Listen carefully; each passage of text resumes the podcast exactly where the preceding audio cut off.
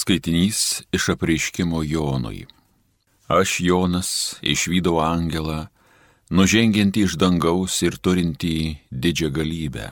Žemė nušvito nuo jo skaistumo, o jis šaukė skambiu balsu.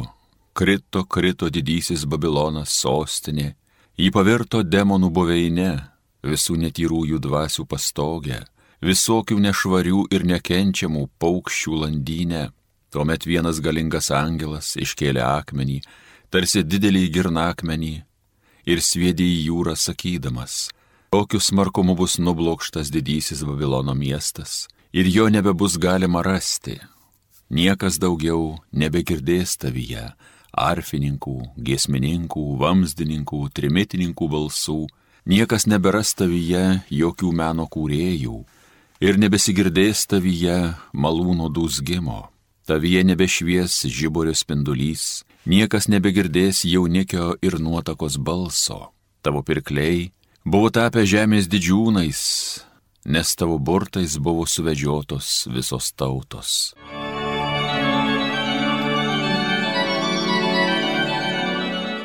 Palaiminti, kurie pakviesti į avinėlio vestuvių pokylį. Visos šalys džiūgaukit Dievui, jam tarnaukite linksmus, Jo akivaizdon ženkit džiaugsmingai, palaiminti, kurie pakviesti į avinėlio vestuvių pokylį. Jis tikras Dievas, žinokit, jis mūsų kūrė, esam jo žmonės, esam jo liaudis, jo kaimenės avys, palaiminti, kurie pakviesti į avinėlio vestuvių pokylį.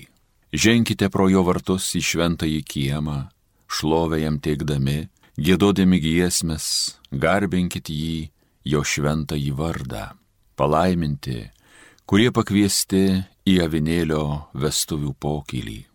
Viešpats juk geras ir gailestingas per amžius ir per kartų kartas mums atsidavęs, palaiminti, kurie pakviesti į avinėlio vestuvių pokylį. Alleluja.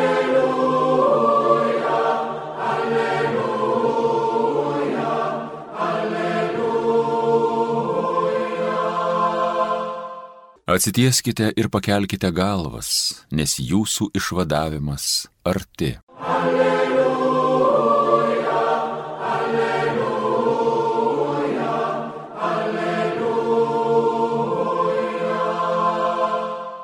Pasiklausykite Šventojios Evangelijos pagal Luką. Jėzus sakė savo mokiniams, kai matysite Jeruzalę supančią kariuomenės, žinokite, jog prisertino jos nuniokojimas. Tuomet, kas bus judėjoje, te bėga į kalnus, kas mieste te išeina iš jo, kas apylinkėse te negrįžta. Tai bus bausmės dienos, kad įsipildytų raštai. Vargas neščioms ir žindančioms tomis dienomis. Baisi nelemtis užklups kraštą ir užstybė šią tautą žmonės kris nuo kalavijo šmenų ir bus išvaryti nelaisvėn įvairius kraštus. Jeruzalę mindžios pagonis, kol baigsis pagonių laikai. Bus ženklų saulėje, menulyje ir žvaigždėse, o žemėje tautos blaškysis gazdinamos baisaus audringos jūros šniokštimo. Žmonės džius iš baimės laukdami to, kas dar turės ištikti pasaulį, nes dangaus galybės bus sukrėstos. Tuomet žmonės išvys žmogaus sūnų ateinantį debesyse su didžia galybė ir garbe. Kai visa tai prasidės, atsitieskite ir pakelkite galvas, nes jūsų išvadavimas arti.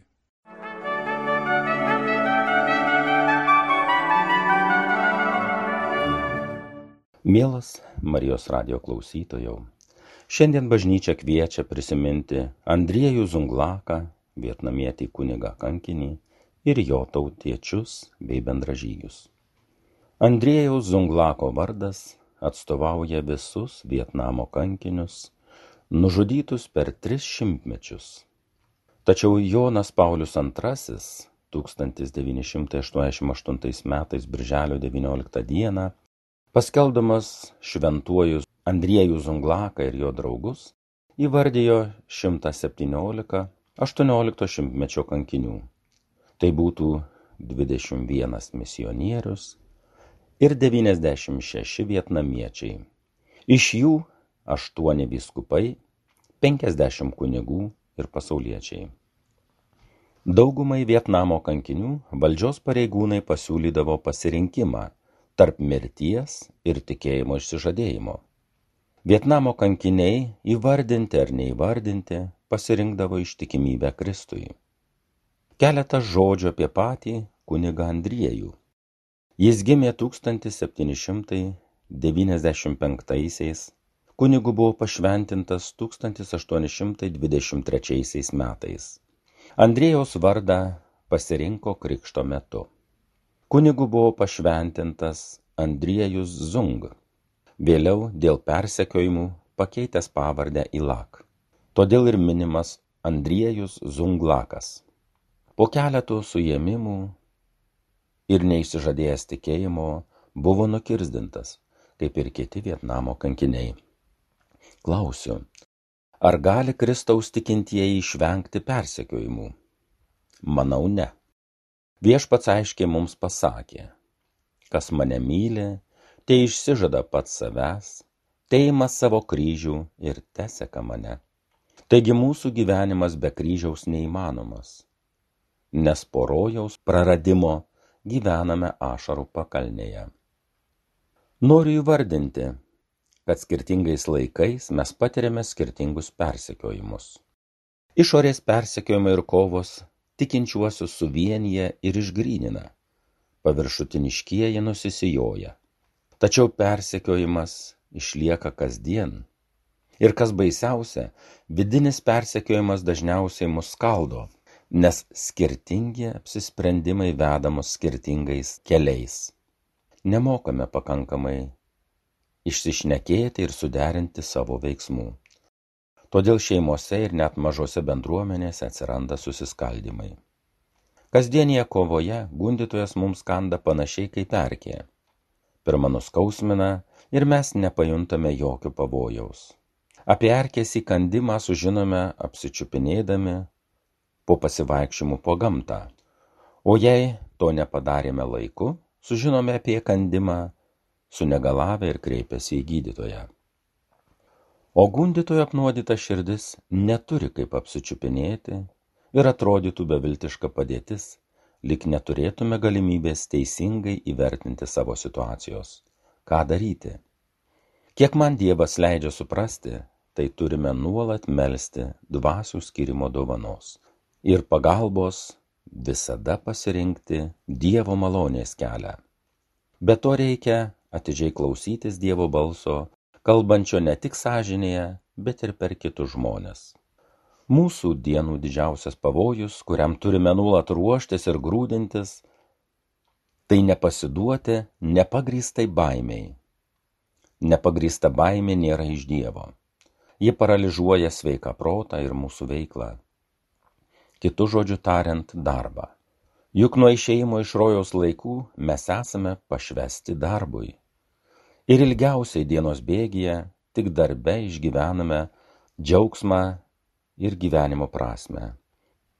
Dėkime daug pastangų, kad galėtume darbuotis pagal Dievo ir savo širdį su džiaugsmu. Budėkime ir negerkime iš tų šaltinių, kurie skatina nepagrįstą baimę. Čia turiu mintyje ne tik filmus ir knygas Dieve laimink ir pripildyk savo malonės kiekvieną už Kristų apsisprendusią širdį. Amen.